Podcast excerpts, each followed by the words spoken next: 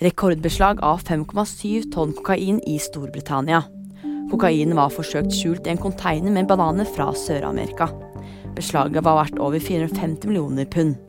Myndighetene i landet jobber nå med å identifisere de kriminelle nettverkene bak smuglingen.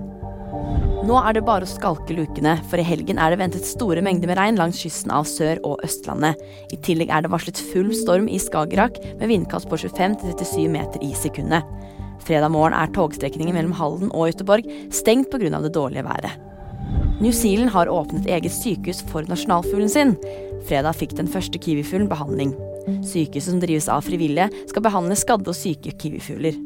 Kiwien som ikke kan fly, har tidligere vært utrydningstruet, men takket være myndighetene i landet har bestanden økt de siste årene. Nyheter finner du alltid på VG.